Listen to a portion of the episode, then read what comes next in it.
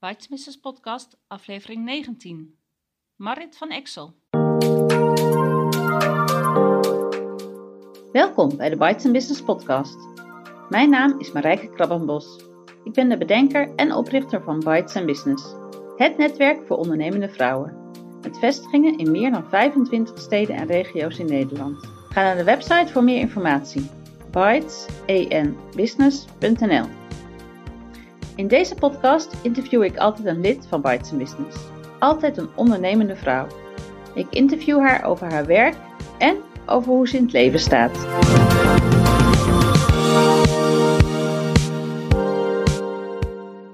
In aflevering 19 het interview met Marit van Exel, lid van Bites Business Amersfoort en rouwcoach. Welkom, ik zit nu met Marit van Exel van Bites Business. En uh, Marit, vertel eens even, wat doe je qua werk in het leven? Nou, in het dagelijks leven ben ik trainer-coach. En ik heb sinds eind december mij uh, gericht op weduwen. Ik help weduwen om weer uh, de draad van het leven op te pakken naast de rouw die zij uh, doorlopen na het overlijden van hun partner. Dus kort nog maar, wat deed je dan daarvoor? Daarvoor was ik ook uh, trainer-coach. En toen had ik me vooral gericht op uh, meer algemeen vrouwen in hun kracht te zetten. Toen heb ik een eigen programma gemaakt van Leef je eigen leven. Maar op een gegeven moment kwamen er zoveel uh, of meer weduwen op mijn pad. Die blijkbaar toch geïnspireerd waren door mijn persoonlijke verhaal. Dat, dat ik dacht van ja, wellicht, ja, als er een groep vrouwen is die het kunnen gebruiken om goed in hun kracht gezet te worden, dan zijn zij dat wel. En die gun je het ook, want je bent en zelf gun ik het. ook weduwe. Ja, ik ben zelf ook weduwe sinds 2011. En in mei 2018 is mijn oudste dochter uh, overleden. Dus ik heb wel ja, twee keer het rouwproces doorgemaakt. Maar des, desondanks kan ik nog steeds voluit in het leven staan. En dat wil ik graag overbrengen aan andere vrouwen. Ja, en heb je dat geleerd of is dat, zit dat ook van nature deels in je? Het is deels wel een stukje persoonlijkheid. Ik ben eigenlijk wel positief voor eerste klas. Ik zie ook altijd overal mogelijkheden. Um, daarnaast, voordat ik echt koos voor, dit, uh, voor deze doelgroep, heb ik wel even heel bewust een training gevolgd, rouw- en rouwbegeleiding. Het feit dat ik zelf twee keer door het rouwproces heen ben gegaan, betekent niet dat ik automatisch een geschikte rouwcoach ben. Dus ik wilde eigenlijk eerst kijken van, joh, als er zo'n training is, hoe ga ik er zelf op reageren? Hoe dicht komt het bij mij? En uh, ja, blijf ik staan? Dat vind ik wel belangrijk, dat ik blijf staan en het verdriet en de rouw van een ander kan dragen. Ja. En, nou, gelukkig, ik zit goed in mijn rouwproces. Ik heb hem aardig goed doorlopen, dus ik blijf inderdaad staan en ik kan dragen. En daarbij heb ik ook gezien hoe mooi het is wat die trainers kunnen bereiken met hun uh, methodieken en oefeningen en hoeveel rust dat ook geeft. En dat ik dacht, wauw, dat wil ik ook. En dat is een relatief nieuw vak, denk ik. En die cursus, is dat, is dat HBO, universiteit? Is dat nog ja. Dit was een, uh, een opleiding bij uh, Phoenix opleidingen in Utrecht. En die oh, gaat ja. echt heel ja. erg op het gevoelsniveau. Want ja, er zijn genoeg mensen die op het rationele niveau met je aan de slag gaan. En ja, het is wel een talent van mij dat ik heel goed de link kan leggen tussen het ratio, gewoon het, het, het boekwerk. En dat gaan doorvertalen van hoe ga je dat nou toepassen in de praktijk? En wat kan je er nou mee in de praktijk? Ja, maar zou je kunnen zeggen dat het een nieuw vak is? Bestond dit twintig jaar geleden ook nou, al? Volgens mij zijn er al heel lang rouwcoaches en is er ook al heel lang rouwbegeleiding. Die zijn er okay. wel. Ja. ja. Het okay, is niet zo. Ja? Uh, en, en, in het kort even je, je hele werkverhaal, want uh, dit kwam natuurlijk later op je pad. Uh, wat wilde je worden toen je 18 was en wat, wat ben je gaan doen? Nou, ja, Grote stappen? Toen ik 18 was, was ik al moeder. Ik ben oh. vroeg op jonge leeftijd ben ik moeder geworden. En nou ja, en toen dacht ik, als ik nou toch al moeder ben, ben ik heel, ja, eigenlijk vroeg het volledige gezin naar uiteindelijk vier kinderen. Maar ik heb wel gemerkt dat ik meer nodig had in het leven dan alleen moeder zijn. Dus ik ben aan de Open Universiteit gaan uh, studeren psychologie. Uh, ik ben in het bedrijfsleven ben ik aan de slag gegaan als ambtelijke secretaris van de ondernemingsraad. Uiteindelijk ben ik in het HR vak uh, terechtgekomen en ik eindigde als HR-manager. Hmm. Dat heb ik hiervoor gedaan. Hmm. En de dood van twee dierbaren leidde natuurlijk tot, tot dit idee en, en deze business. Het is een beetje anders verlopen. Oh, ik ben, vertel. Uh, vertel. Uh, mijn man en ik wilden, hadden een droom dat als de kinderen volwassen zouden zijn, dat we als expat in het buitenland zouden gaan wonen. Nou, die droom is niet uh, uitgekomen. maar toch bleef het regelmatig bij mij borrelen en afvragen van ja, hoe zou het nou zijn om in het buitenland te wonen? En ik heb gelukkig mijn werkgever bereid gevonden dat ze toestemming gaven voor een sabbatical. Dat ik nog niet meteen al mijn schepen achter me hoefde te verbranden. En ik ben zes maanden op reis geweest. En ik vond het echt alleen. heel alleen. Ja, ik vond het vreselijk spannend. Toen je alleen stond? Ja, toen ik alleen stond. Dat was eind 2015. Oh, ja. Dus toen mijn man al uh, ruim vier jaar uh, daarvoor overleden. Uh, ik vond het vreselijk spannend, maar ik dacht, ja, het ergste wat me kan gebeuren is dat ik op die fantastische bergtop zit en ik denk, ik vind er geen klap aan. Nou, wat kan je dan doen? Dan stap je het vliegtuig naar huis. En dan ja. heb je geen had ik maar, hoe zou het zijn geweest? Ik heb een, uh, ja, een droom, ja, iets gedaan. En nou ja, het is, bevalt wel of het bevalt niet. Nou, het beviel mij wel heel goed. Want jouw kinderen zijn dus al groot. Ja, mijn kinderen zijn Nee, die, eh, de jongste die was toen ook al net in de twintig en die woonde Ja. al op zichzelf. Dus Ja. eh, ik kon met een gerust hart Ja. kon ik op reis. En toen ik terugkwam en weer in mijn oude baan kwam, toen dacht ik, ja, dit is het er niet meer. Dit, gaat, was- dit gaat er niet meer worden. Maar dat dacht je nog wel toen je op die berg stond? La, Ja, dat dacht ik toen nog wel. Ja. Ja, ik ga weer terug naar mijn oude baan. En ik heb een hele mooie ervaring gehad. En ik was terug in de werk. En ik dacht, dit gaat hem niet meer worden. Ik ben zes maanden volledige vrijheid gewend. Op een hele andere manier in het leven komen te staan. Dus ja, ja, ik was eigenlijk rijp voor het zelfstandig ondernemerschap. Wat ik voorheen nooit had geambieerd. En ken je mensen om je heen die dat, dat deden? Ken je? Een aantal, niet zo heel veel. Nee. Dus, Dus, je is- zat ongelukkig op die eh, kantoorstoel, Ja, ik die zat- kantoortuin. ja. Ja. En toen? Nou ja, toen eh, ben ik met mijn eh, werkgever gaan praten en ik ben uit dienst gegaan en ik ben voor mezelf begonnen. En in eerste instantie was ik van plan om eh, eerst de korte termijn visie, de HR-projecten te doen en de langere termijn visie, vrouwen in hun kracht te zetten. Hoe ga je om met tegenslag in het leven? Want ik heb wel gemerkt dat heel veel mensen mijn verhaal toch wel inspirerend vonden. Eh, nou ja, toen ik echt dacht van oké, nu ga ik even vol focus op de HR-projecten. Toen werd mijn dochter ziek. En ja, die is ook eh, na een aantal weken overleden. En nou ja, terwijl ze ziek was, dacht ik, weet je, skip dat korte termijn project van de HR-projecten en ga gewoon meteen voor je lange termijn droom. Dus dat heb ik gedaan. Wauw. Ja. Ja, als ik er achteraf op terugkijk, dan denk ik, oké, het is best wel eh, ja, een bijzonder verhaal. Ja, ja, zeker. Ja, En nou ja, je ziet er blij uit. Je zegt, ja, je doet het sinds kort nog maar echt eh, vrouwen, weduwen, rouwbegeleiding. ja, ja. ja. Maar je, het is een mooi vak, denk ik. En je, het is Het heel is dankbaar. heel- Ja, wat ik heb gemerkt, vooral ook wat ik uit de verhalen van die weduwe hoor, is dat ze eigenlijk, terwijl ze voorheen best wel zelfvertrouwen hadden en doortastend waren, eh, gebeurt er op zoveel fron- fronten wat met hun, waardoor ze onnodig onzeker worden.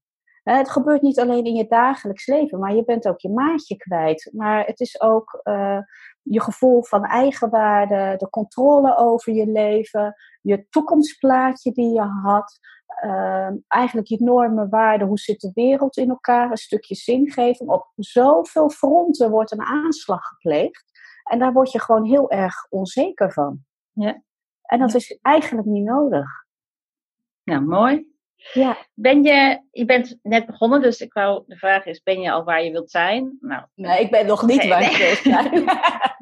nee, ik moet echt nog bekend worden met eh, waar, waar ik nu mee bezig ben. Er zijn mensen die kennen me nog van het vorige programma Leef je eigen leven. Maar nu ik echt zo specifiek bezig ben met die nieuwe doelgroep, voelt dat een beetje alsof ik weer even van scratch af aan eh, moet gaan beginnen.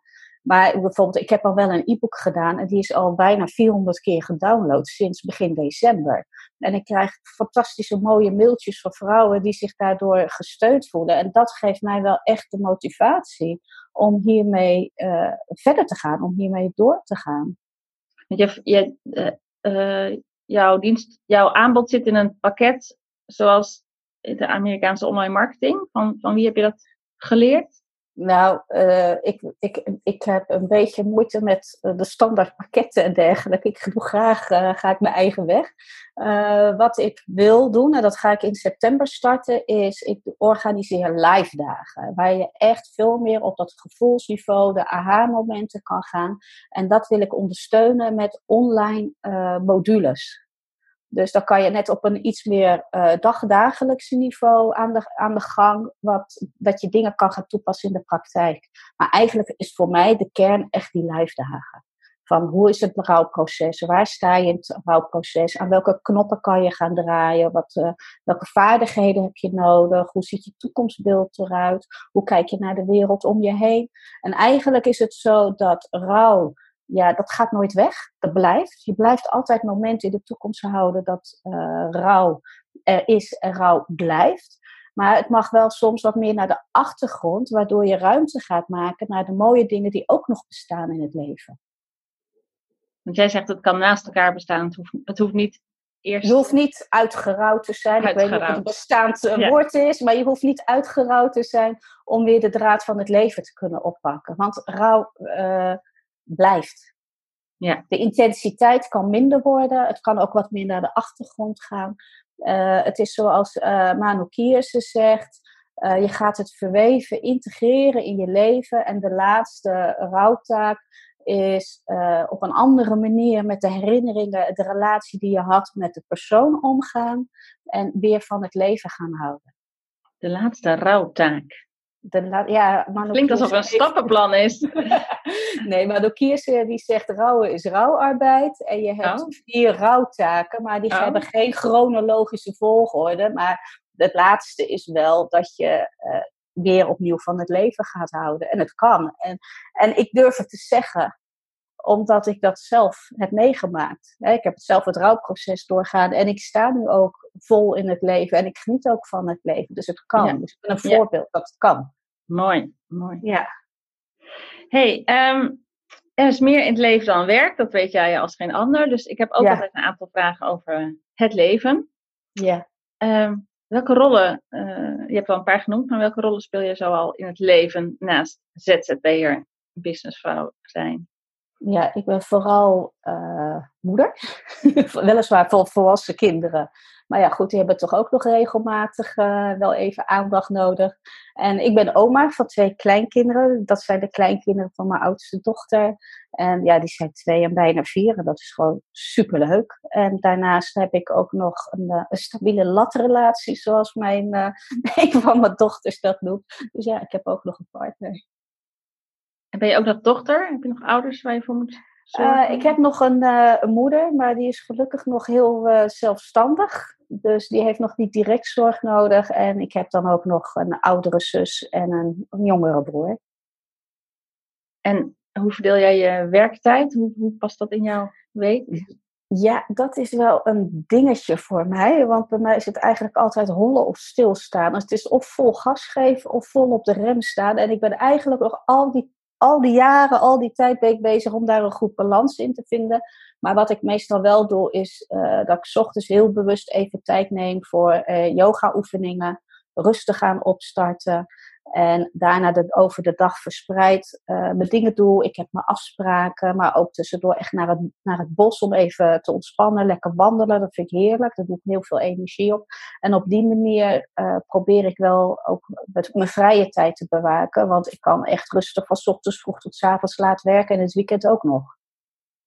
En je doet dus geen één op één coaching, je hebt geen echte afspraken met klanten? Jawel, jawel. Oh, ook? Ja. Die heb ik ook. Dat zijn die afspraken die ik ook tussendoor heb. Oké, ja. ja. Is dat face-to-face? Ja, dat is face-to-face. Komen ze naar jou toe? Kom- Ja, ze komen Ja. naar mij toe. Ik heb een aparte ruimte. Maar ik heb gemerkt dat eh, het, het heel erg prettig is om in het bos te wandelen. Als het Mm. weer even goed is, dan gaan we de deur uit, even naar het bos wandelen. Want je merkt gewoon, ja, het, het, het loopt mak- het praat makkelijker. Als je in beweging bent. Want anders zit je ook toch een beetje tegen elkaar aan te kijken. ja, elkaar, Ja. nou, niet aan te staren, maar elkaar wel aan te kijken. En het loopt gewoon, het praat makkelijker in het bos. Snap ik. Ja. Ja. Is wel een branchevereniging voor mensen zoals jullie. Nou, dat zijn wel van die dingen die ik nog echt moet gaan eh, uitzoeken. ik ben wel laatst benaderd door, eh, een, via LinkedIn benaderd door een eh, dame die eh, is een onafhankelijke, eh ja, hoe noem je dat, een rouw eh, Mhm. En ja, ongetwijfeld zijn er brancheverenigingen, maar ik heb me daar eerlijk gezegd nog niet in verdiept. Want ik was gewoon nog lekker bezig om mijn eh, live dagen, mijn programma, mijn onderwerpen, mijn theorie en mijn oefeningen uit te werken. Oké. Hey, je zei al dat je eh, mevrouw Positivo bent. Hoe, eh, ja. hoe sta jij in het leven? Naast positief? Naast positief. Eh, wat ik heb geleerd, bijvoorbeeld, heel, wat ik heel erg belangrijk vind, zijn twee dingen. Accepteren, het leven is compleet met alle leuke en minder leuke dingen. Dat hoort er gewoon bij. Hè? Dus alleen de geluksmomenten najagen, daar geloof ik niet in. Want er gebeuren gewoon geen leuke dingen. En de tweede, wat ik heel erg belangrijk vind, is je bent wel verantwoordelijk voor jouw leven en hoe jouw leven eruit ziet.